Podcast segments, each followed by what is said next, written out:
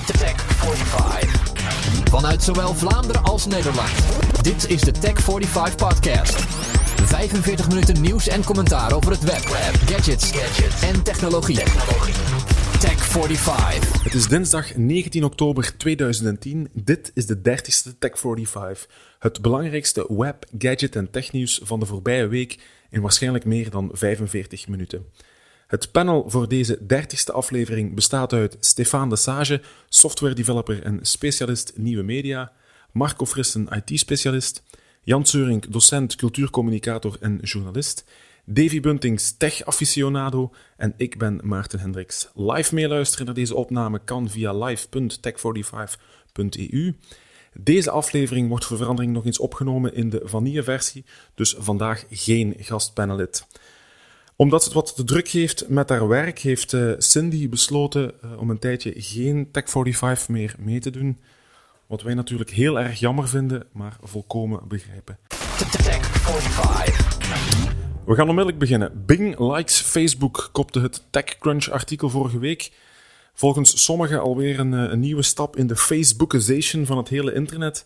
Jan, waar ging die kop precies over?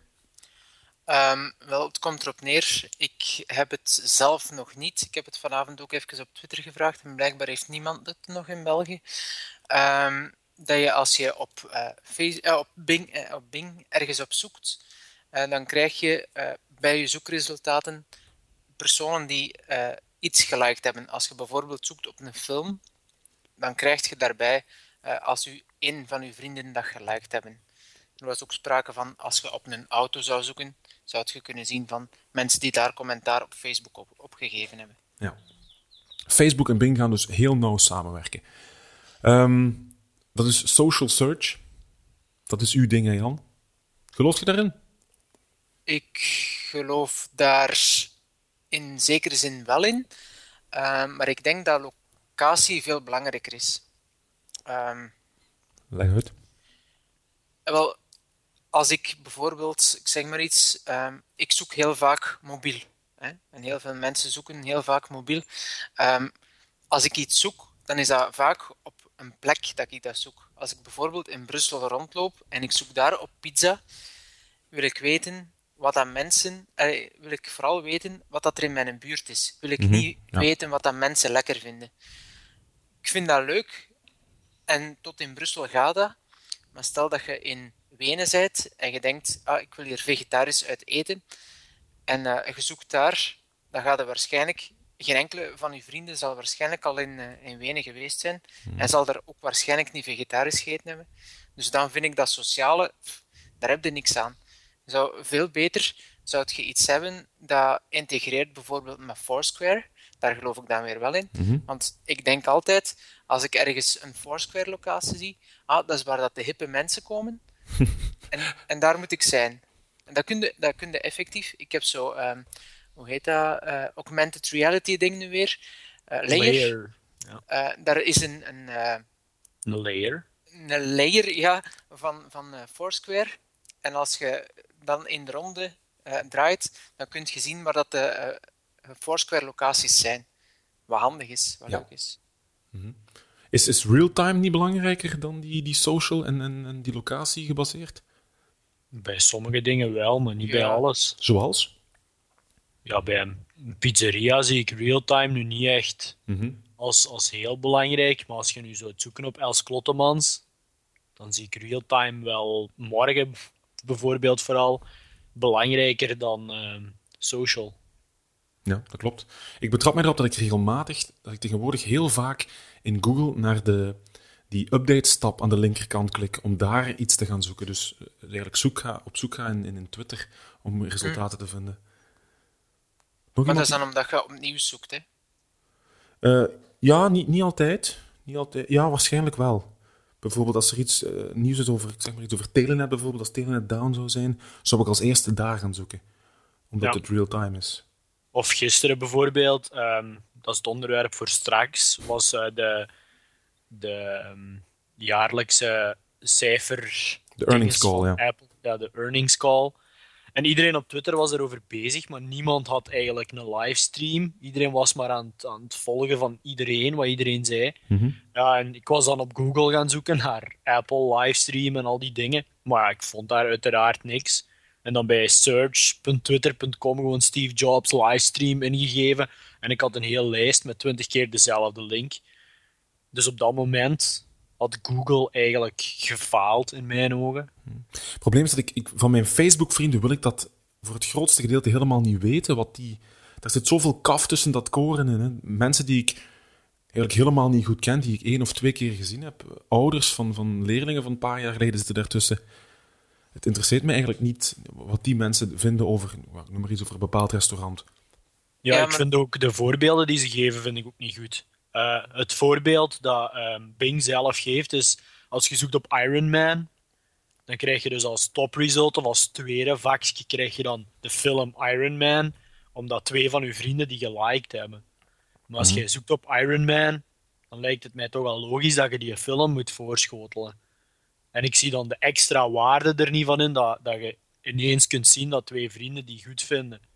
Maar, eh, ik vind dat misschien ook wel op dat vlak, als die Iron Man nu neemt, die, die real-time kan er ook wel iets mee te maken hebben. Hè. Stel niet dat je bijvoorbeeld toevallig aan het zoeken zit naar die, is dat daar, die loopdingen daar, Iron Man, die, eh, die wedstrijd. Het is toch zo dat dat heet? Ah ja, ja. Die Ja, die ja, die, Die kunnen wij bijvoorbeeld, die was vorige week. Dan hadden wij Ja. die alle vijf goed eh, kunnen liken. Hè, met die Mhm. Belg die derde of vierde was. Hè, zo, yay, Iron Man. En dan Ja. binnen drie weken dan zou die nog altijd misschien Iron Man de marathon of de triathlon geven. Omdat er vijf van mijn vrienden de triathlon tof vinden en misschien maar twee de film. Terwijl dat op dat moment weer helemaal niks relevant is. Ja, maar we weten natuurlijk ook wel niet in hoeverre mate dat die social search, in hoeverre mate dat dat ja, één of twee weken terug gaat. Het kan goed zijn dat dat maar ja, de, de social search van, van één week is, van een paar dagen. Ja, maar ja, die film, als je binnen tien jaar op Iron Man zoekt, dan is dat toch nog altijd relevant welke vrienden die film goed vonden. Ja, misschien wel. Maar het gaat ook altijd zo zijn, eh, zeker bijvoorbeeld Google is daar heel sterk in, dat dat op den duur eh, personaliseert Google ook op uw naam, zolang dat je ingelogd bent natuurlijk. Hè. Ehm, en als jij altijd klikt op de triathlon als je Iron Man intikt en nooit op de film, dan weet Google dat op den duur. Ja, en die weet ook als jij veel zoekt over sport of zo, dan gaat die die ook hoger. Voilà. Dus social gaat niet alleen op over. Allee, dat is niet een nieuwe versie van search, hè. dat is gewoon een, een laag die erbij komt. Ja, ik snap dat wel. Is dit, is dit genoeg om, ehm, om Google-gebruikers over te halen naar Bing? Nee, Dat is overtuigd. Absoluut niet. Nee. Absoluut niet. Nee. ik, zie- ik zie daar eigenlijk totaal geen meerwaarde in. In de, Wave heb ik het voorbeeld ook gezet, dat is misschien niet echt helemaal relevant. Ehm, maar eh, bij Goala, als je daar naartoe gaat en je bent ondertussen ingelogd op Facebook, dan zie je ehm, boven de pagina die je hebt in Goala, bijvoorbeeld als je doorklikt van op Twitter, ziet je staan, zoveel vrienden van u gebruiken Goala. En dat zijn allemaal vrienden die Facebook gelinkt hebben met Goala op een of ander moment. Maar ik weet zeker van 7 van de 13 mensen die daarbij stonden, dat ze momenteel op Foursquare overgeschakeld zijn. Ja. Dus ik denk dat die likes, dat dat ook iets redelijk vervliegend is. Is een unlike-knop niet beter? Hè, in het geval van het, van het restaurant, ehm, er zijn heel veel mensen die zeggen van kijk, vier vrienden van mij vonden het restaurant goed, maar bijvoorbeeld tien vrienden vonden er helemaal niks goed aan. Nee, maar wel, wat wel komt, zijn commentaren die erbij gaan staan van uw vrienden. Mhm. Dus likes, op dit moment is er zo'n inflatie van likes. Je kunt alles liken. Hè. Er zijn 250.000 sites die op elke pagina een like-knop hebben staan. Dus er, worden, er wordt heel veel geliked. Ehm, de volgende stap is, zoals in Foursquare ook, dat je er tips of commentaar kunt bijzetten. Eh, Facebook gaat nooit, denk ik, ik, spreek nu misschien te hard, ik denk niet dat ze ooit eh, een, een like-knop gaan... eh, Ja, ik, denk, ik denk dat eigenlijk zelf ook niet, want eh, een unlike of een dislike, allee, ja, dat, is, dat, is, dat is veel, één unlike of dislike is veel erger dan tien likes bijvoorbeeld. Het, het Ja. effect van, van, van iets negatiefs van te zeggen, nee, dat is niet goed, dat is een groot verschil met, het, met één keer zeggen van ja, dat is goed. Dat gaat Facebook nooit, nooit implementeren. Nee, ik denk dat ook niet. Ik denk dat En het is ook, het is ook leuk vinden. Hè? Het is, dat is zo van alle woorden echt wel het braafste dat ze eruit gekozen hebben. hè. Het is niet... Er is, als, je, als je die instelt op je, ehm, op je site, kun je ook aanbevelen eh, gebruiken als woord. Maar ik denk dat er veel minder mensen zouden klikken op een woord aanbevelen, wat toch wel echt iets... Ja, maar dat is vooral voor Ja. de serieuzere sites. Hè. Ja, bijvoorbeeld, ja, of, of, of een, ehm, een site van, van een krant bijvoorbeeld met een artikel over zoveel doden in een of ander land. Daar, daar kan geen like-knop bij staan. Hè. Daar moet dan een aanbevelen-knop bij staan. Ja. Nu, ehm, Topanga in de chatroom zegt ook, je, je kan toch nu al een liken, of tenminste uw like ongedaan maken. Maar ja, dan moet je natuurlijk eerst geliked hebben. Hè. Maar ik denk ook wel dat Facebook zoiets wilt hebben van... ehm, ja, als je nu Iron Man op IMDb of zo zou tegenkomen en daar staat geen, niemand bij van uw vrienden die die film geliked heeft en bij andere films staat dat wel, dan is er waarschijnlijk ook niemand van uw vrienden die ofwel de film nog niet gezien heeft, ofwel niet tof vond. En dat is dan weer het nadeel dat je geen dislike-button hebt, want je weet niet van, heeft Jan Seuring de film nu gezien of niet, en vond hem hem goed of slecht. En die commentaren daarbij, ik zie niet echt in hoe dat ze dat gaan doen. Het zou ook leuk zijn, bijvoorbeeld, om, eh, om even op het voorbeeld van de film door te gaan. Als Kinepolis dat zou integreren op zijn site, hè, die kunnen dat perfect ook, dat je kunt zeggen, die film vind ik leuk. Hè, dat je op de site van Kinepolis zelf kunt zien wat dat je vrienden leuk gevonden hebben. Dat is dan niet meer search, maar dat is dan op de website zelf. Ja, voor mij heeft dat totaal geen waarde, want eh, iedereen van de voetbalploeg van mijn vriendin is vriend met mij op Facebook. En ehm, als ik dan altijd de romantische comedies bovenaan te zien krijg, dan denk ik dat ik rap nog eens naar eh, de Euroscoop ga gaan. Is het wel relevanter voor Twitter, Davy, voor u? Ik geloof eigenlijk helemaal niet in social search.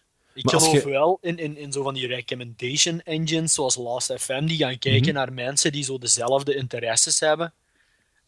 Maar dat iemand mijn vriend is, dat is voor mij helemaal geen teken van die vindt dezelfde films goed en die vindt dezelfde pizzeria's goed en die vindt dezelfde series goed.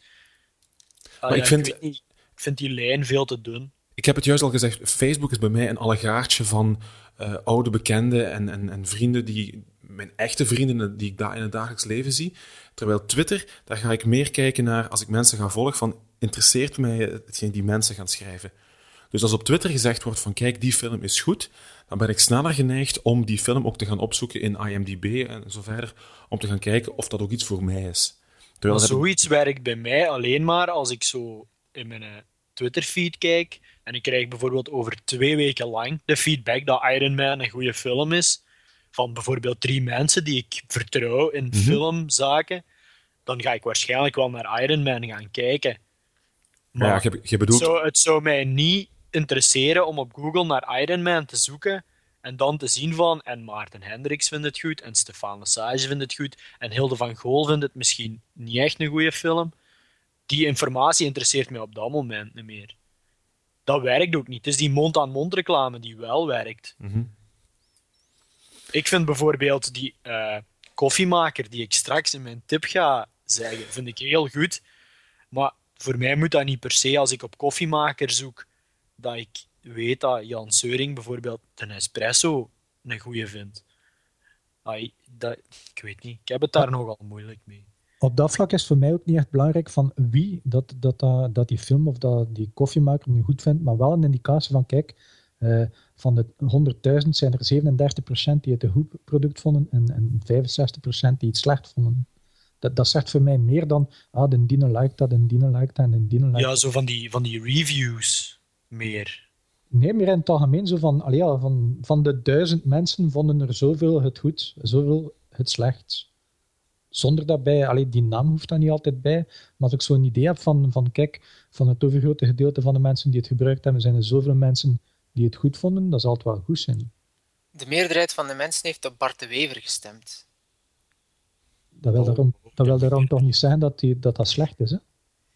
Nee, nee, maar dat, allee, ik wil maar zeggen. Het hoeft daarom niet uw mening dat te zijn. De meerderheid. Nee, nee, dat klopt, ja. Maar dan hebben we toch al een kleine indicatie van, allee, als er nu echt heel veel mensen zeggen dat iets, iets slecht is, dat- dan is de kans heel klein dat dat voor u super goed Maar dan, dan zou dat handig zijn als jij bijvoorbeeld een koffiemaker zoekt en je, je typt in eh, Google typt je percolateur in, dat je dan bovenaan de beste percolateur krijgt volgens een sociale kring, als zijn een, een cloud van mensen die Het goed of slecht vonden. Ja, ja, dat wel. Ja. kennen van een koffiezet.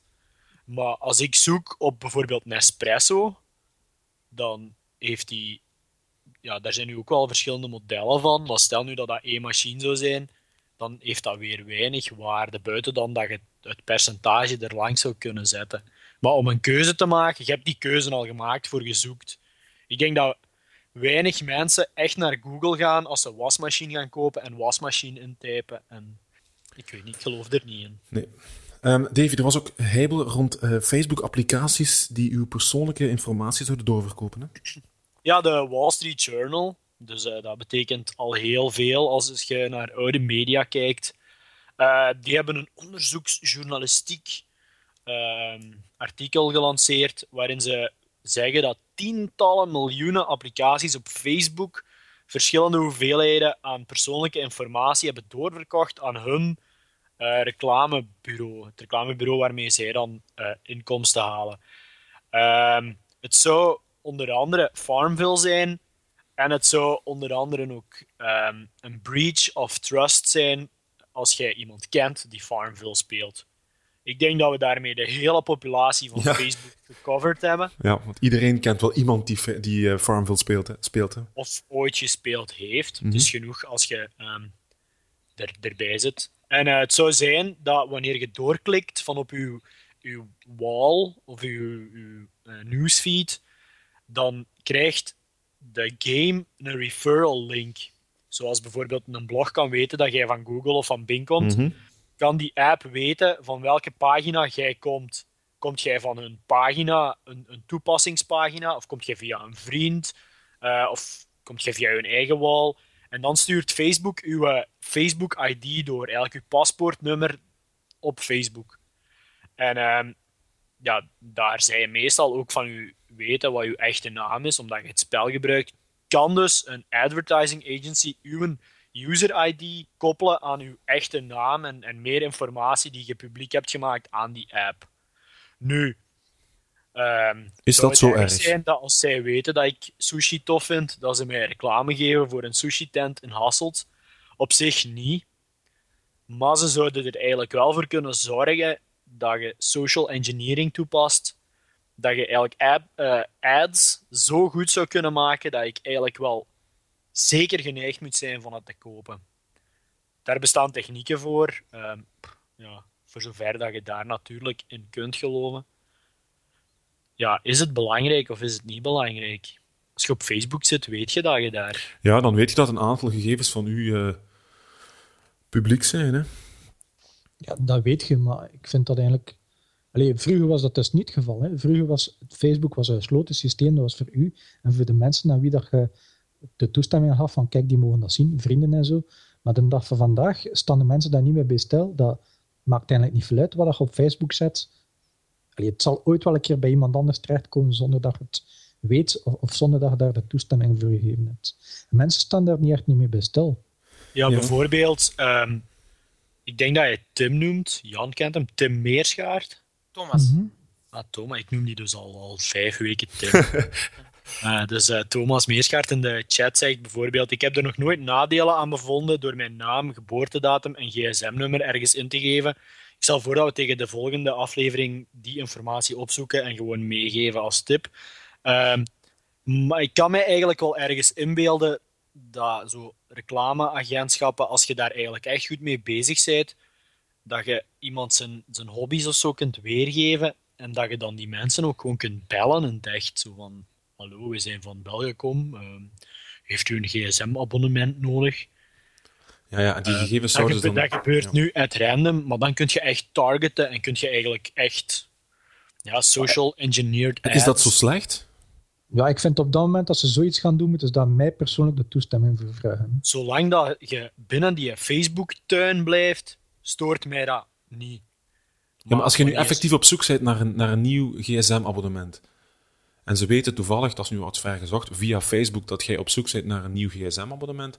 Op zich is dat toch, toch niet zo slecht als u dan bellen op dat moment. Als ze dat, ik vind Of als ze ik dat naïef? zelf hebben uitgezocht, dan is dat geen probleem. Maar als ze die informatie gewoon bij doorgespeeld krijgen, zonder dat ze daar iets moeten voor doen, dan hebben we daar wel een probleem mee. Ten slotte gaan zij geld verdienen met mijn informatie. Mhm. Nee, je- ze gaan alleen geld verdienen als jij ja zegt. Hè? Ja, ja maar als ze mijn informatie, gebruikt. ja, als ze mijn informatie niet hebben, gaan ze sowieso geen geld verdienen aan mij. Ja, maar je staat ook in de witte gids. Hè? En op uw site staat uw, staat uw gsm-nummer. Ja, dat klopt, ja. Hoeveel, als, je, als je ergens je gsm-nummer op een, op een site zet, dan krijg je mail en krijg je, krijg je telefoons. Ja, dan bellen zo ineens mensen nu s'avonds van hallo Davy. ja, dat klopt. Dat, dat, dat gebeurt. Ik heb dat Ja. onlangs nog voor gehad, hè, Jan. Dat is waar. Jan had mij gisteren gebeld omdat hij mijn gsm-nummer gevonden had op Facebook. Ja. Mijn telefoonnummer staat ook op het internet overal. Heb ik vorige Ja. week ontdekt. Ja. ik vind dat kei gemakkelijk dat mijn gsm-nummer op Facebook staat en andere mensen ook. Want dan kan ik via die Facebook-app die mensen bellen. Maar ja, wanneer nu een reclameagentschap al die telefoonnummers zou krijgen, uw gsm-nummer is nog altijd eigenlijk iets privé, of zo leeft dat toch in de mensen hun hoofd, Mhm. waar een vast telefoonnummer inderdaad in de witte gids stond. Maar we gaan naar een Google Voice systeem, hè, of, ja, waar dat, dat veel harder, veel minder belangrijk wordt, zo'n telefoonnummer. Ik loop Ja, nu rond met twee gsm's bijvoorbeeld. Dat is, dat is echt van de hand, hè. Van een hond. Zeg, er was ook nog nieuws in verband met Windows Phone 7, hè, Stefan?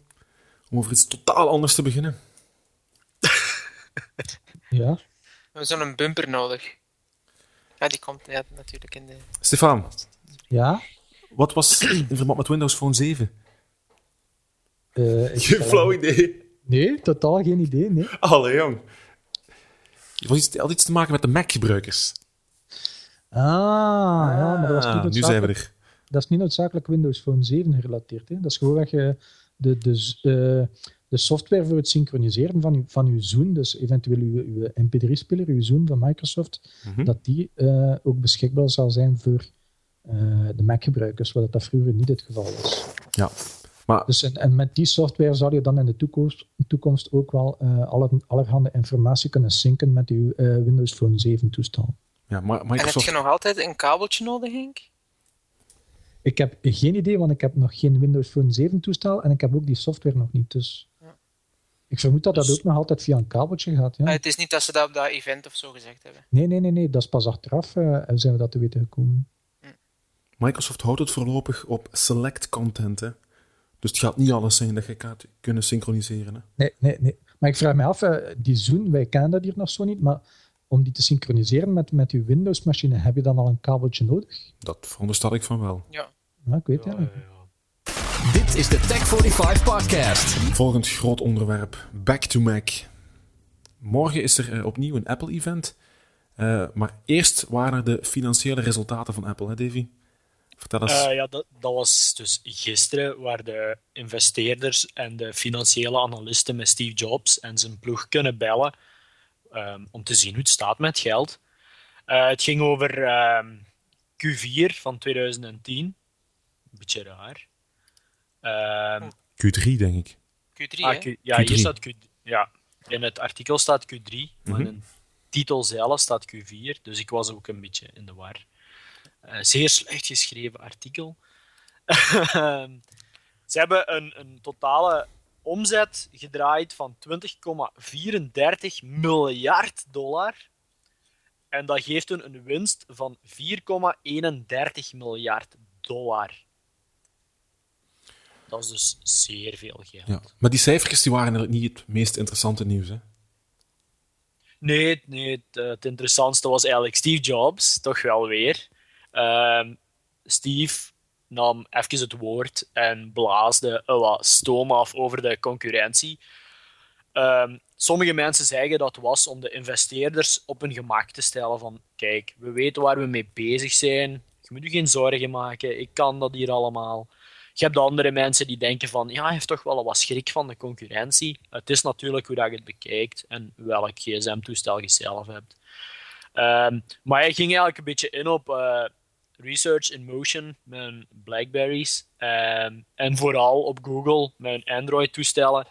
Waarin dat hij stelde dat ehm, er tussen Android en Windows eigenlijk nog altijd een heel groot verschil was. Want sommigen zeggen dat iPhone tegen Android een nieuwe Mac versus Windows is. En hij zegt eigenlijk dat dat totaal niet waar was, omdat Windows er op elke computer toch wel mooi hetzelfde uitziet en Android niet op elke gsm er mooi hetzelfde uitziet. En dat dus een fragmentatie van de markt krijgt, dat is een vaststaand feit. Uh, Ja. Of dat iets goed of slecht is, dat is een andere Hij discussie natuurlijk. Ja, zeg maar. Ja, dat developers die moeten volgens hem rekening houden met, ve- met te veel verschillende modellen.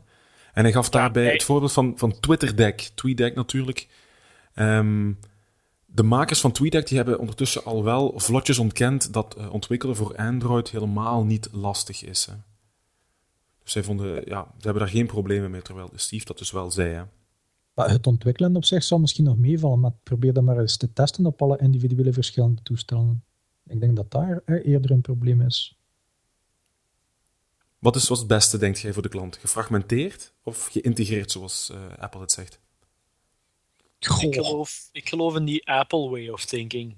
Hij heeft, hij heeft, volgens mij heeft hem gelijk. Hij zei dat voor de gewone gebruiker, die gewoon wil dat het werkt en die over niks anders wilt nadenken, vind ik een iPhone veel makkelijker. Geeft u veel meer Mhm. peace of mind dan een Android. Ja, je zet dat op en dat werkt.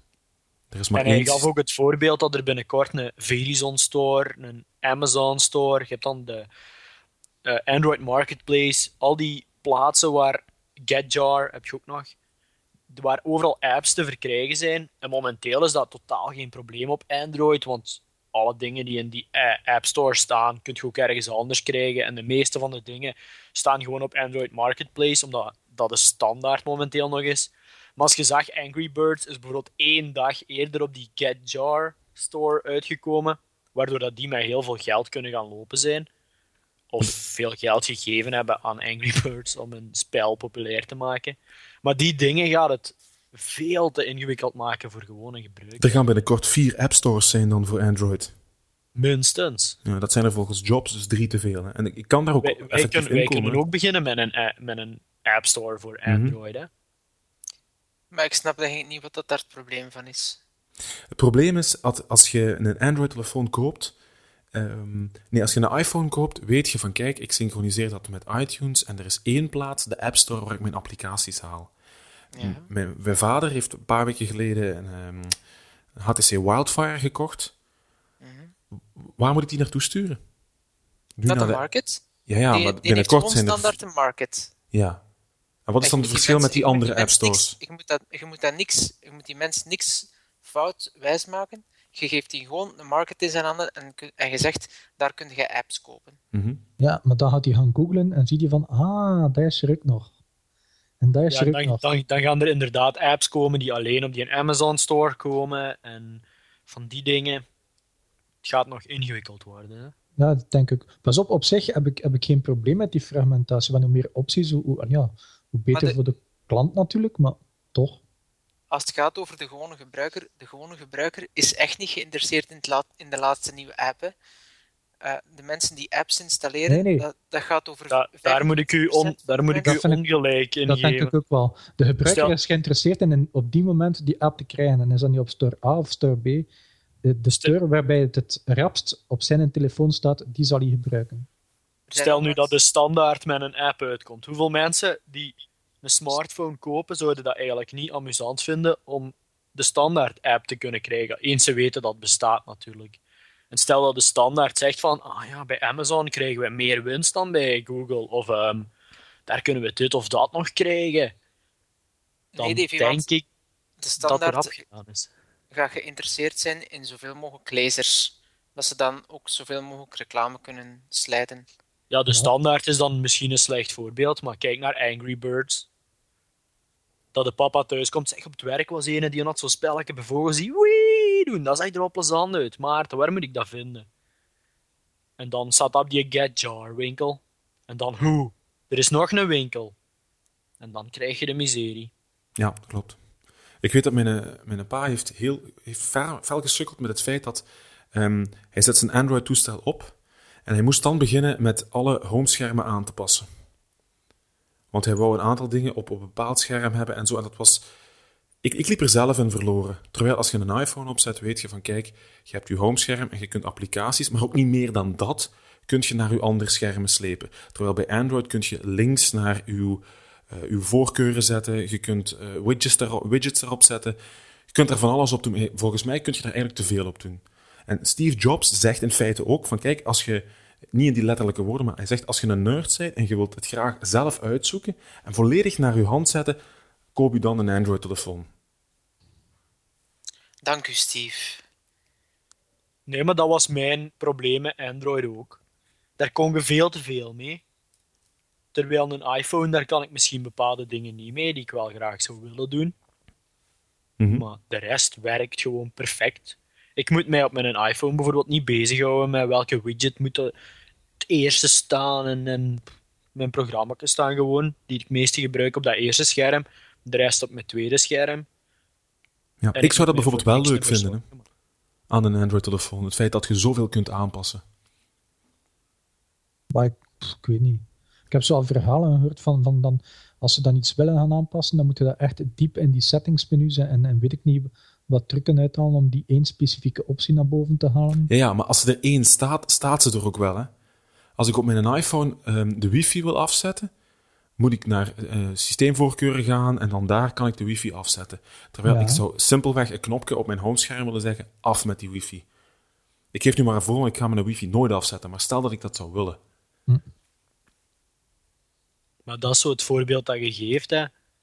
Dat is zo'n knopje dat misschien zo één op de 100 mensen nodig heeft. En dat zijn dan de echte geeks. Sorry voor de luisteraars, maar je bent daar deel van waarschijnlijk. en ja, voor die is dat geweldig dat dat knopje bestaat. Hè. Want je moet maar één keer klikken, maar voor die gewone mensen... Die, voor die is het al te moeilijk om zo het wachtwoord van de wifi in te geven, ene keer. Laat staan dat ze het dan nog af en aan gaan zetten en, en op verschillende plaatsen gaan binnenkomen. Marco, wat denkt jij daarvan? Want, eh, Marco? Ehm, Ah, oké. Ja, ik vind, ja. Is al eh, de zoveelste discussie daarover en daar, daar zullen de mensen toch nooit over eens worden. Ehm, wat ik daarvan vind is, eh, het wordt maar steeds met een, eh, met een computer vergeleken, maar het is eigenlijk gewoon een consumentenapparaat. En een consumentenapparaat hoeft niet per se zo customizable te zijn. Je televisie, kun je daar eens aan customizen? Nee. Je dvd-speler, kun je daar eens customizen? Eh, ja, je kan wat instellingen veranderen, maar dat zijn instellingen wat je nodig hebt. Dus ja, ik vind, ik vind het allemaal een beetje zo'n discussie van ja, dit en dus en zo. Maar ja, daar blijf je eeuwig, eh, eeuwig op door eh, discussiëren. De ene vindt dat, de ander vindt dat. Als je het, eh, als je het niet wil, dan koop je een iPhone. En als je het, als je het wel wil, eh, nou, dan, dan neem ik gerust een, een Android. Be happy, maar stop met zeuren de hele tijd. Dave from Ja, Belgium dan- in de chatroom die zegt: Ik zou mij rot amuseren met customizable huishoudtoestellen. Dat is, ja. Ja. Maar dat zijn Ja, wij dat is- natuurlijk. Dat is, dat is die geek factor, hè. alles customizen, zo'n custom ROM daarop smijten. Zo. ja, op je microgolf.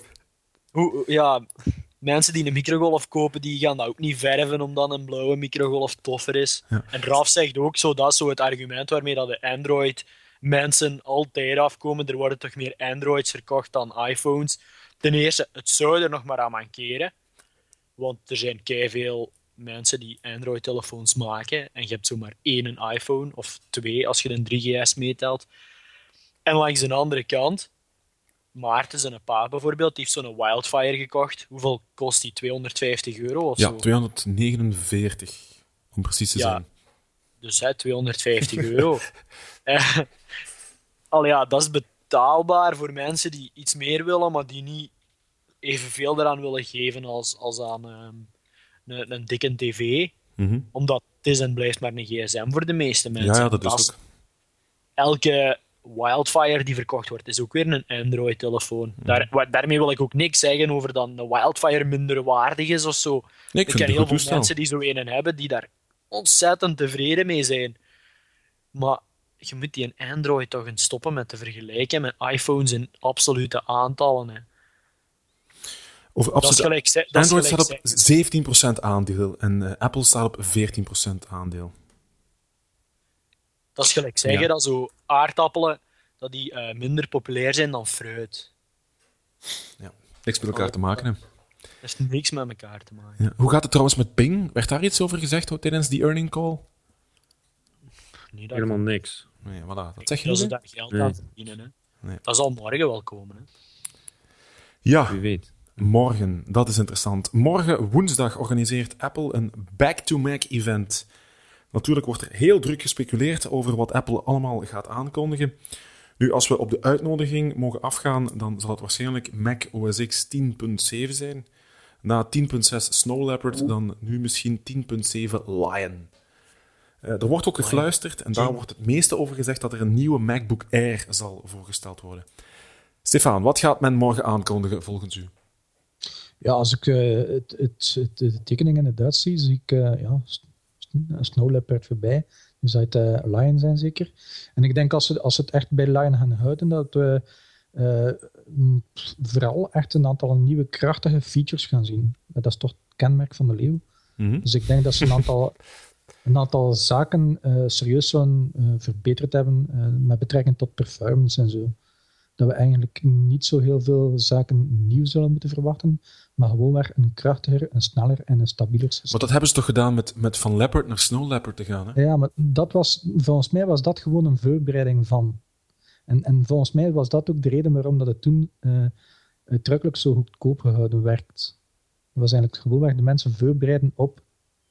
Ja, maar ik kan me niet voorstellen dat het alleen maar performance gaat zijn met, met Lion, hè? Want dan is het geen, gaat, geen, gaat minder verkopen, denk ik, hè? Als je kunt zeggen van, kijk, 10.7 Lion en nu met deze nieuwe mogelijkheden en met een nieuwe layout, ik noem maar wat, gaat meer aanspreken, denk ik, hè? Snow Leopard heeft dat ook verkocht. Eh, en in principe zat er ook niet veel nieuws in. Hè? Ja, ja, maar... Was er niet die een time machine en zo bij? Nee, dat was... Nee, Nee, dat er was al.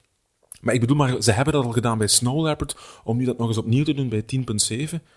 Voor mij is bijvoorbeeld geen reden om over te schakelen dan, hè? Nee, ik denk kan, dat hè. er zo een soort achtergrond. eh, als je de iBooks-applicatie kent op de iPad, dat is zo'n boekenkast. En je kunt dan op de winkel klikken en dan draait die boekenkast zo om. Dat zijn animaties waar je totaal niks mee ziet. Eh, maar ik denk dat er zoiets komt. Je hebt nu ook dashboard op eh, de Mac. Dan duwt je op een of andere F-toets. Eh, en dan komt er zo een zwart schermpje met een, een, een rekenmachine en een datum. En pff, niemand gebruikt dat. Ehm, voor zover ik weet, ik wil hier niemand tegen de schenen stampen, maar u bent de enige gebruiker. Ehm, ik denk dat er zoiets komt met iOS-achtige dingen.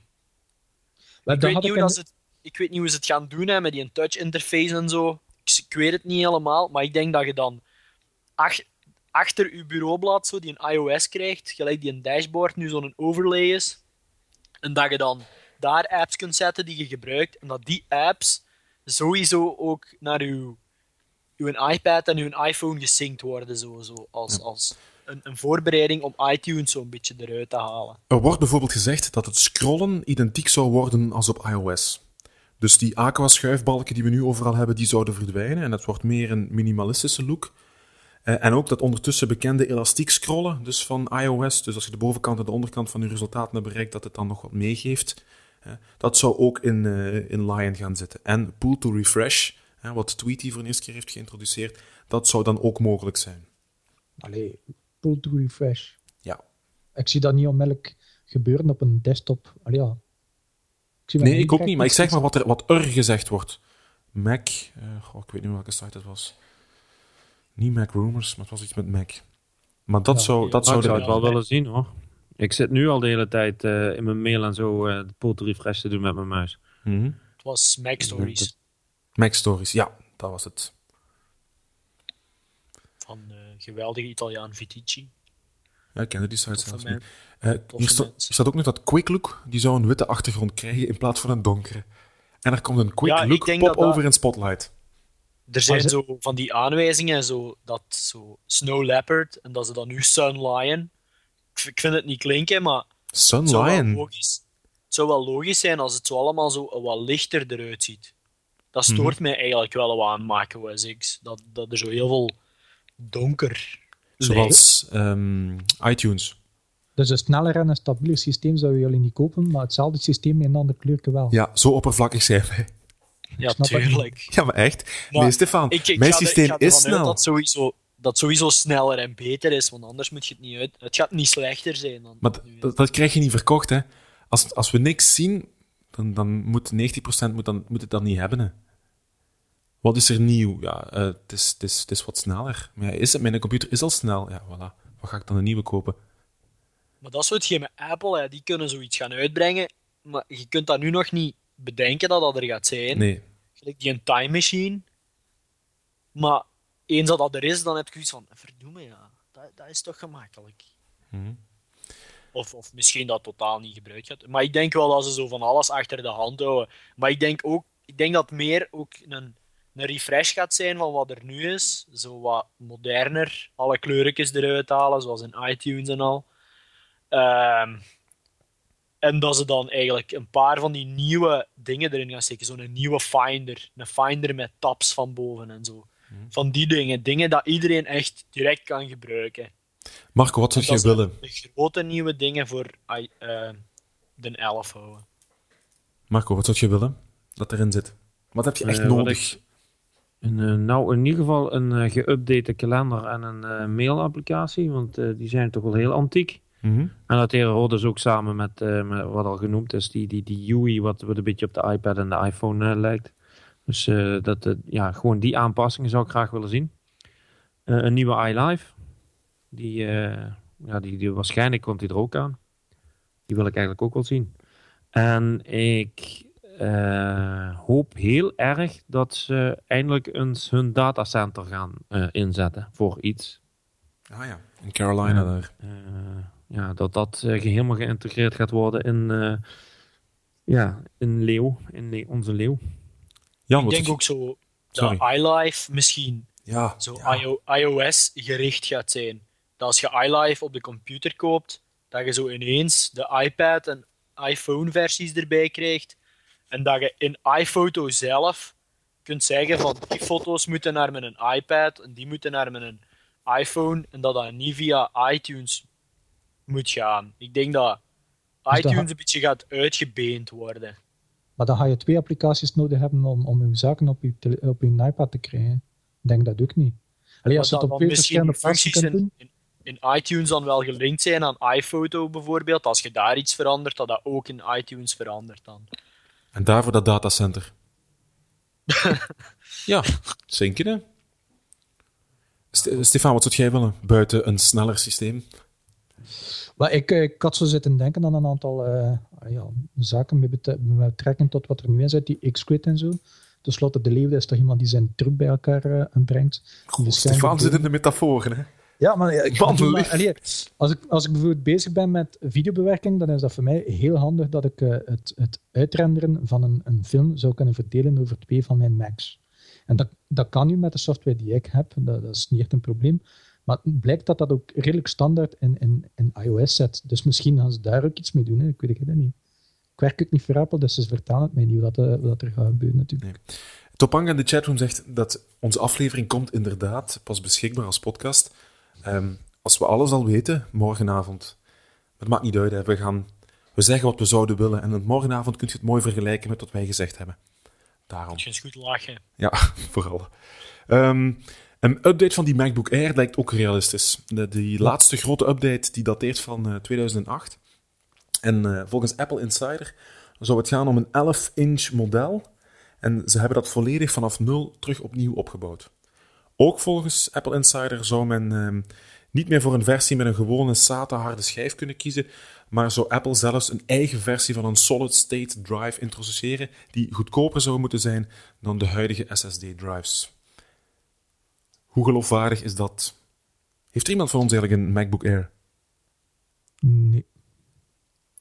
Wordt dat goed verkocht? Is mijn Nee, ja. wegens te duur, denk ik.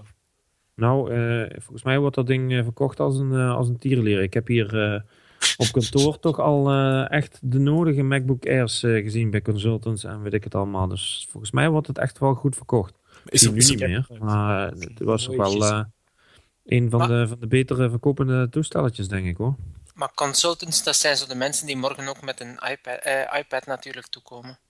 En maar niet Ja. uit. Of verkopen is verkopen, hè? Is er ja, plaats voor een, voor een MacBook, nieuwe MacBook Air naast de iPad? Ja, Waarom? omdat je tenslotte nog altijd met de, met de iPad niet alles kan doen wat je bij een, een gewoon toestel wel kan. Mhm. Je kan geen software ontwikkelen op een iPad. Nee, en dat kan wel op een MacBook Air. Ja, Ja, het is zo. Mensen die misschien een, een iMac hebben of zo.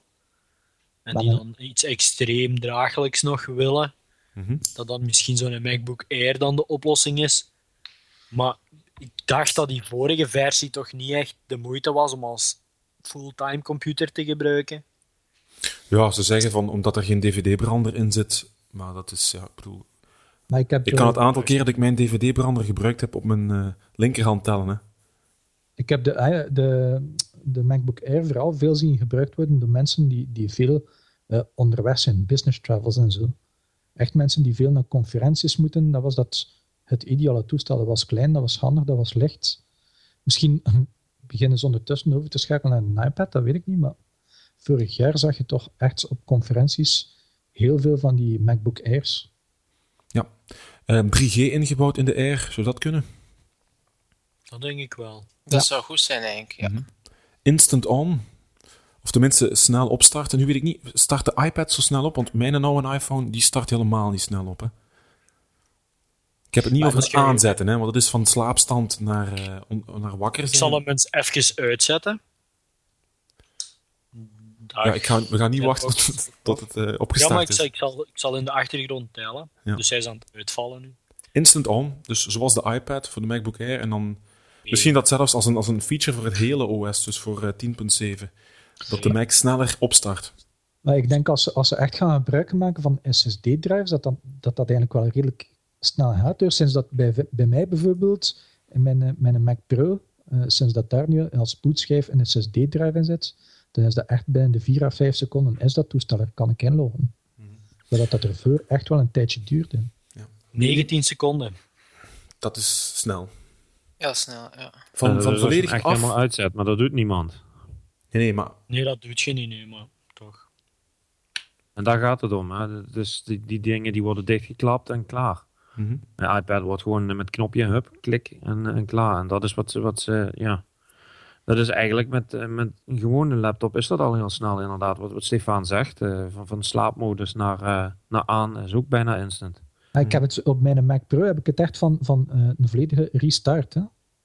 Ja, Dus echt met SSD off, is dat ding eh, inderdaad eh, binnen vijf seconden of zo. 5 seconden en dat staat ja. er en kan inloggen. goed. eh, morgen gaan we het zien. Om hoe laat begint dat eigenlijk?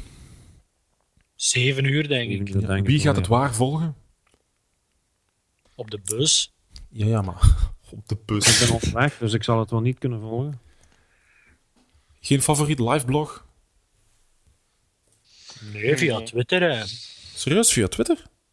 Ja, je hebt toch zo Mac Rumors Live en zo. Ja, d- ja oké. Dat wist ik Je ga- gaat toch geen pagina opzetten waar dat ze zo hun eigen Twitter opzetten? Ja, zo doe ik dat. gdgt.com, dat was vorige keer ook. Tech 45. Goed, ehm, wij gaan verder met het kort nieuws. We beginnen met Stefan. Ja, blijkbaar eh, las ik vandaag een bericht dat, eh, dat eh, Western Digital de eerste harde schijf lanceert van 3 terabyte. Nu, dat is ah, misschien niet zo speciaal, maar blijkt dat er toch wel een, een redelijke een, een soft limiet lag op de 2 terabyte omwille van een of andere master boot record die niet echt verder kon lezen dan x aantal blokken en zo. En nu hebben ze dat proberen eh, er rond te werken door eigenlijk een, een, een nieuwe, een ander type bootrecords te gaan gebruiken. Maar blijkbaar eh, zal dat enkel zijn voor eh, Windows, eh, Windows Vista en Windows 7 toestellen. En zal je moeten op de Windows toestellen echt een kaartje in uw, in uw Windows machine stoppen om die zogenaamde AFI support te gaan ondersteunen. Maar blijkbaar voor Macs, die zijn er al standaard allemaal op voorzien. Dus wij zouden in principe die 2,5 en die 3 terabyte drives gewoon kunnen gaan gebruiken in ons nieuwe toestel. Enig idee over die kosten? Ik eh, had gelezen iets van een 140 eh, pond. Nu, eh, dat zal waarschijnlijk eh, een keer snel omrekenen. Een keer zien of ik hier iets kan vinden.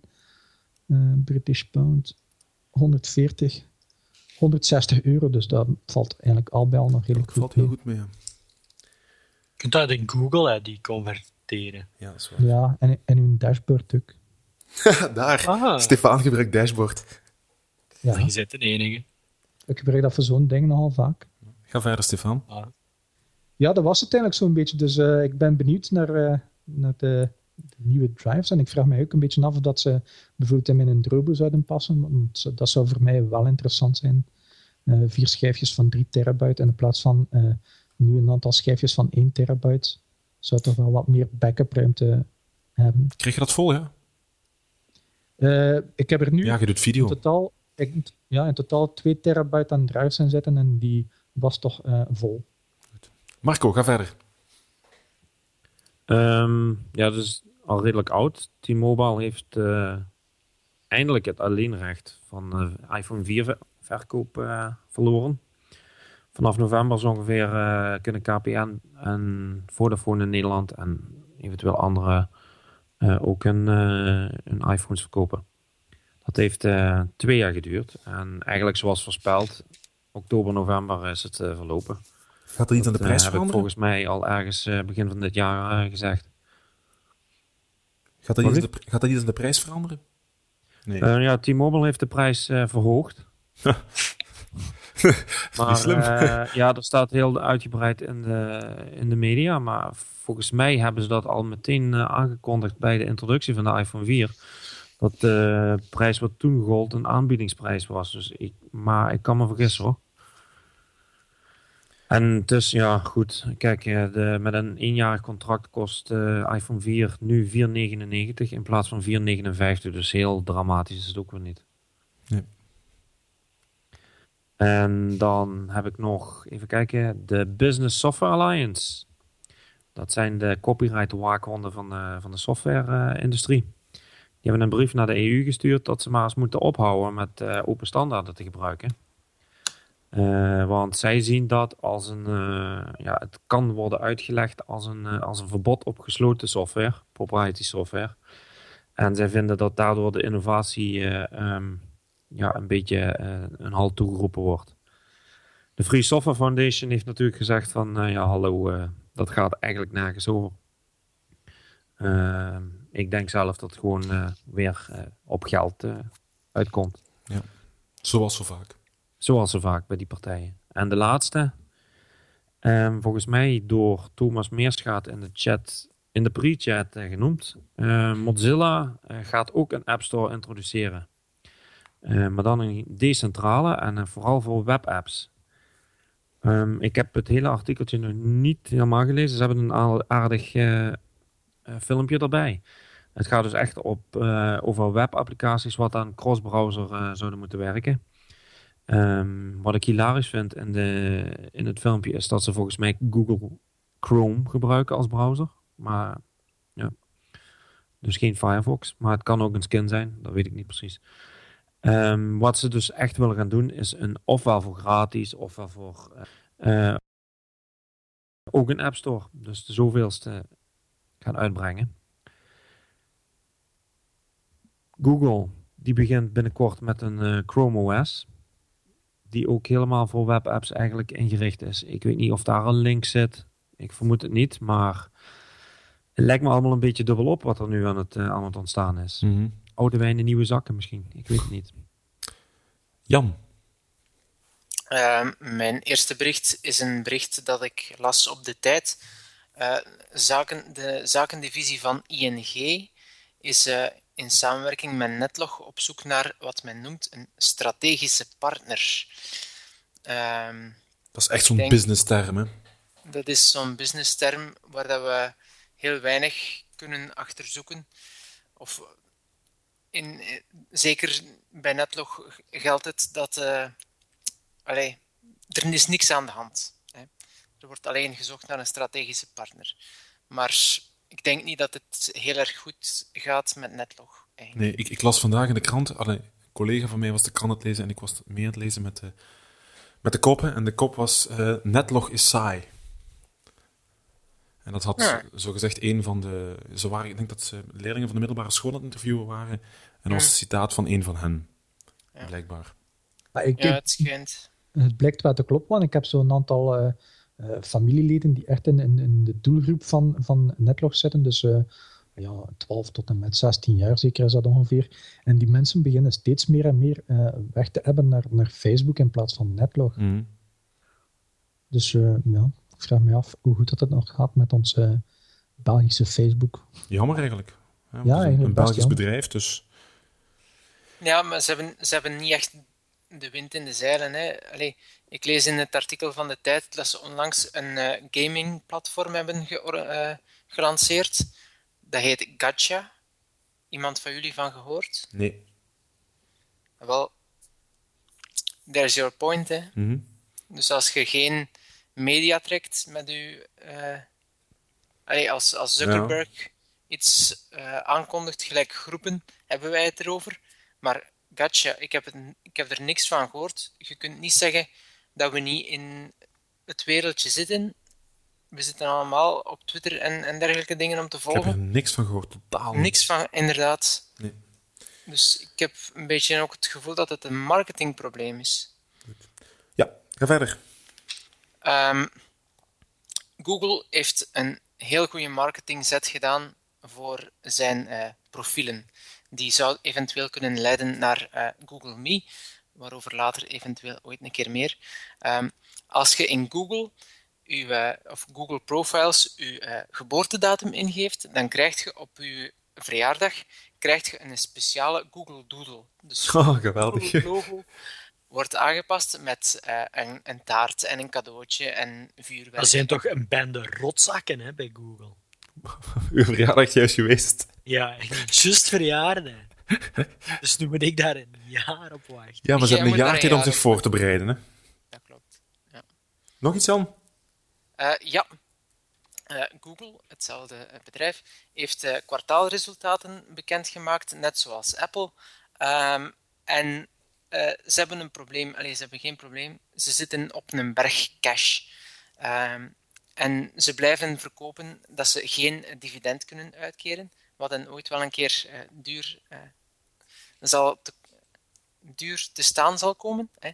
Ehm, maar 2,17 miljard is nu eh, de winst geweest, vorig kwartaal. En eh, de groei zit hem vooral in mobile en ook in het komende jaar verwacht men heel veel groei van mobile. Goed. Dat was mijn snelnieuws. Davy. Ehm, ja, ik heb er drie. Ten eerste, er is een professor in de Zweden aan de Umea Universiteit. Ehm, die was zo stom van zijn computer te laten stelen. Ehm, hij was zo ontzet dat hij... Zijn computer kon hem eigenlijk niet zoveel schelen. Maar al die data die daarop stond, want een professor die heeft heel veel belangrijke data. Ehm, en opeens kreeg hij een pakje waar een USB-stick in zat. En daar stond al zijn data op. Schitterend. Ehm, ik vind het een beetje raar. Ja, een beleefde dief. Ja, ik vond Een dat dief met manieren. Allee, als hem echt manieren had, had hem de laptop wel laten staan. Maar goed, een dief met een geweten. ja, met een geweten, zo is het. Ga verder, Davy. Ehm, er komt een fanmade remake van Duke Nukem 3D. Woehoe! Dat is eh, geweldig nieuws. Ehm, het ziet er, er staan al een paar screenshots online. En het ziet er eigenlijk geweldig uit. Eh, het zijn mensen die eh, geld willen verdienen aan remakes van spelletjes die eerder al bestonden. Dat hebben ze al geprobeerd van ehm Daikatana. Maar niemand speelde dat vroeger, dus dat was geen succes. En van Sin. Maar de makers van de originele Sin die hadden het afgeschoten. dat is een first-person shooter. Eh, ja, nu komen ze dan maar met Duke Nukem. En die mensen die Duke Nukem gemaakt hebben, eh, zijn de... oh, hoe noemen ze nu weer? Gearbox? Ja, die hebben het groen licht gegeven. Chic. Ehm, voor de mensen die Duke Nukem trouwens de moeite vinden, er is nu een iPad-versie. De controls zijn een beetje ambetant, maar het is wel de moeite. Eh, daar straks, dat is dan het laatste, daar straks zeiden we dat Google bezig was aan locatie. Nu binnenkort, als je Amerikaans-Engels als taal hebt staat, ziet je dat al in de linkerbalk. Ehm, maar de rest komt binnenkort. Dan staat er in de linkerbalk, heb je nu ook al zo foto's en zo staan. Ehm, Daar komt binnenkort bij te staan welke locatie Google denkt dat jij zijt. Ehm, dus eh, als je pizza ingeeft en je hebt gepersonaliseerd zoeken aangezet bij Google, dan krijg je bijvoorbeeld alle pizzeria's bij mij in de buurt van Sint-Truiden. Maar je zou dat dan kunnen veranderen naar bijvoorbeeld Oostende.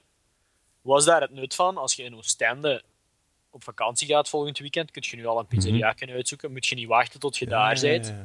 Dus dat Interessant. is eigenlijk gemakkelijk. Hè? Ja. En eh, je weet ook ineens dat Google weet waar jij zit. En vanaf wanneer eh, werkt dat? Eh, normaal gezien binnen een week of twee weken. Ze, zijn het, ze gaan het binnenkort uitrollen in andere landen. Dan staat België daar eerst of laatst. Daar hebben we natuurlijk het raden naar. Maar dat is het. Goed. Mijn kort nieuws heeft niks met tech te maken, maar ik mag het eindelijk zeggen. Mijn vrouw en ik verwachten ons tweede kindje. Hey. Voilà, en dan gaan we nu beginnen aan de tips. En Vind je welke- tof? Welke features wilt je zoal in je tweede kindje? Goh, ja, versie eh, 1 2.0 van mij. hè. Nog beter. Dit is de Tech 45 Podcast. Goed, tips. Eh, ja, wacht, wie gaan we laten beginnen? Ehm, Jan, die staat hier als eerste. Twika is mijn eh, eh, tip. Twika, T-W-I-C-C-A, is een eh computerclient voor Android. Ehm, heeft diverse plugins, eh, onder meer voor Flickr. Is heel handig als je eh, ergens online bent, of als je ergens on the move bent, dan kun je ook je foto's meteen ook op je eh, Flickr-pagina eh, laten verschijnen. Twika. Nog een tip? Nee, dat was het. Goed. Marco. Eh, ik heb een boek. Ah, keer, altijd eh, leuk. geen iPhone-app en eh, geen, eh, geen Apple-gedoe. Eh, vorige week is eh, Noord-Korea nogal in de aandacht geweest eh, vanwege de installatie van Kim Jong-un als eh, eventuele opvolger van, eh, van de huidige leider. Eh, grote feesten, grote parades. Ehm, ik heb een boek eh, gevonden, eh, Nothing to Envy. Ja, ja, ik heb het ook afgehaald. Ehm, audioboek. ehm, dat is eh, geschreven door Barbara Demick. En het gaat, ja, het beschrijft eigenlijk het leven van een aantal mensen in, in Noord-Korea. En het zijn van dokter tot een, een gewone jongen, tot een fabriekswerker enzovoort. Dus een heel divers gezelschap. Ehm, heel interessant om te lezen. Eh, überhaupt, eh, het land is gewoon eh, super interessant. En eh, ja, dit boek ligt een, een heel klein tipje van de sluier op. Je zit er al in begonnen, of zit je, want ik af aan het voorlezen. Nee, je zit erin begonnen. Ik ben erin begonnen, maar ik heb het nog niet uit. Nee, maar het is echt wel een goed boek, want ik heb het ook als audioboek afgehaald bij Audible en ben benieuwd. Ja. Goed, nog een tip? Of wat was het dat? Dat was hem. Ja. Goed. Stefan. Ja, ik heb eh, een keer iets, iets geeky voor eh, de mensen die af en toe eens eh, bezig zijn met, met filmopnames, videoopnames en zo. Dan is het soms wel interessant om een aantal camera's te kunnen synchroniseren. Dus het moment van de opname dat je dat dan achteraf kan synchroniseren, beeld van twee camera's en zo. En een beetje zoals dat ze vroeger in de, in de filmindustrie gebruikten, dan had je zo'n klap, klappertje zo. Hè, dat is dan dichtklappen. En waar dan de, de, de scène en zo op staat. En dan kon je dat gaan synchroniseren op het dichtklappen van die klapper. En nu blijkt dat er ook al een, iPhone en een iPad-applicatie is die eh, eigenlijk zo'n eh, zo'n ding imiteert. En die applicatie, eh, ik ben ze nu even kwijt, ik heb het net gedaan. Maar dat is eigenlijk een, soort slide, voor, dat is Movie Slide, en, voor de iPad en voor de iPhone. En daar kan je een aantal zaken op gaan, gaan invullen op die Movie Slide, en dan kan je daar laten dichtklappen. En dan zie je ook dat er, dat er eh, het scherm in het rood verschijnt en zo. En dat kan je dan gaan gebruiken om, om je camera's te gaan synchroniseren.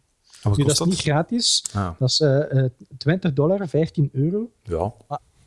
Op zich is dat heel goedkoop. Zeker als je, kijkt wat, als je bekijkt wat je zou betalen voor een gelijkaardig fysiek toestel, een digitaal toestel, waar je Mhm. echt eh, die, die zaken kan op laten aftellen. Dat, dat, dat kost snel al- al een paar honderden euro's. Ja. Dus op zich valt er wel best mee. Ik heb het zelf al gebruikt. Het werd fantastisch goed en ik vind het een, echt ideaal. Davy.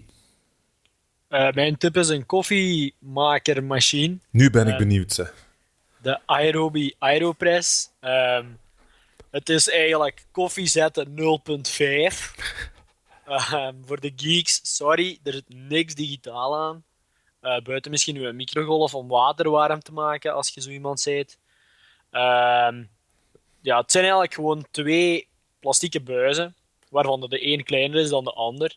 Op de kleine staat een rubberke geïnstalleerd, waardoor dat je eigenlijk een soort penispomp krijgt.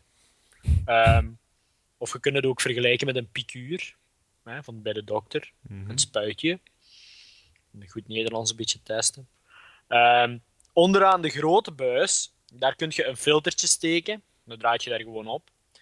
Dan in de grote buis kun je dan een aantal scheppen koffie doen. Je doet water erin, eh, van 80 graden Celsius best. Ehm, je kunt ook water in de microgolf zetten en dan een keer testen tot wanneer dat water kookt. En dan doe je daar 1 vierde van af. Ehm, dat giet je dan bij die koffie. Laat je even 10 seconden staan. Daar is een roerding bij. Dan roert je even 10 seconden in je koffie, zodat je, je drap en je water heel mooi gemengd is. Ehm, en dan neem je dus die kleine dingen met die rubber op en dat duwt je daarop. En doordat je dan heel stilletjes duwt, creëert je een luchtdruk op je koffie, waardoor dat, dat water door je filter geduwd wordt. En zo krijg je koffie. Het is dus echt een kunst om het te zetten. En dan duwt je en je blijft duwen, maar je kunt daar je vol gewicht op zetten, hè, want dat geeft tegendruk. Hè. Ja. Dus je drukt daarop. En dan, ja, je kunt 1, 2, 3, 4 espresso's daarmee zetten. Of daar dan, en dan daar warm water bij gieten. Voor een Americano of melk voor een latte. En het is, ja, geweldig goede koffie. Echt, ja? Of is dat Nee, dat het nieuw echt- is? Het is echt goede koffie. echt heel goede koffie. Uh, uw bonen hebben er ook mee te maken. Ik heb eh, bij Café Nation in Antwerpen kun je ze kopen. Ik denk als enige in België. Ehm, en daar krijg je bij de aanschaf krijg je een zakje bonen bij. En zij malen die dan volgens dat dat moet voor in die Aeropress te doen. Ben, daarna ben ik naar Starbucks gegaan voor daar bonen te kopen. Die malen die ook, maar die zijn veel dikker gemalen, waardoor dat heel het proces minder goed werkt. Mhm. En waardoor dat je koffie ook veel minder goed is. Dus je moet dan eigenlijk ook nog, om er goed gebruik van te kunnen maken, ehm, ja, zo'n koffieverkoopding waar ze je bonen malen. Of ja, zo'n. ja. En daar moet je dan zeggen dat ze fijn gemalen moeten zijn. ja, sommigen gaan dat wel kennen, zo'n Aerobie Aeropress. Ehm, het moet eigenlijk fijner gemalen zijn dan voor in een gewone filter te doen. En dikker dan voor espresso. Ehm, ik, ga, ik, ben, ik heb nu mijn zakje Starbucks koffie. Ik ga daarna een zakje Douwe Egberts proberen. Maar je kunt eender welke koffie gebruiken, als ik het goed begrijp. Ja, maar ja, die van Starbucks is te dik gemalen. Die is Ja. voor een French press gemalen, waardoor dat die koffie veel minder goed is. Maar het is eigenlijk heel makkelijk om koffie mee te zetten. En daar zijn zelfs wereldkampioenschappen van, van hoe zet je koffie met een Aeropress. Ehm, en dan kun je naar de website brewmethods.com gaan. En daar staan van alle manieren om met een Aeropress de beste koffie ter wereld te maken. En wat Maar dat kost is echt, Zeg maar, Jan. Dat is echt de espresso. niet, niet echte espresso. Want eh, het filter houdt eh, alle esoterische stoffen tegen. En die zorgen op je espresso voor zo het, het laagstje, zo, een crema. Mhm. Dat heb je op een Aeropress niet, want dat moet door dat filterke. Wat kost zo'n eh, machine? Keu. 30 euro, maar ik krijg Oh. er een zakje koffie bij van 5 euro. En waar heb je het gekocht? In eh, Café Nation in Antwerpen. Ah, oké. Dus niet online. Kunt ook online kopen? Ja, waarschijnlijk. Ja, dan kost het 25 euro. Met shipping dan nog. Goed. Ehm, mijn tip. Ah, en iedereen, iedereen die koffie wil drinken, die is welkom op de Macbeurs. Ja, ik breng de waterkoker mee, hè? zoals gezegd. Ja. Ja. Ik breng dus de, het machine mee. En de bonen, waar gaan we die halen? Dat, ja. Dus als er iemand dan nog bonen wil mee, altijd welkom. Dat is wel het belangrijkste. hè. Maar het is, het is een heel simpel systeem, want het klinkt ingewikkeld, maar het is gewoon ja, een kwestie van twee schepjes koffie, water erop, Een duwen. drukken. En je hebt dat echt op, op een half minuutje heb je koffie. Nee. Misschien toch eens aanschaffen. Ehm, mijn tip is eh, Snoopy. Snoopy is een, een bookmarklet bedoeld om eh, de code van mobiele websites te kunnen bekijken. Dus bijvoorbeeld in Safari. Ehm, in de iPhone-versie van Safari kun je niet gewoonweg view source doen.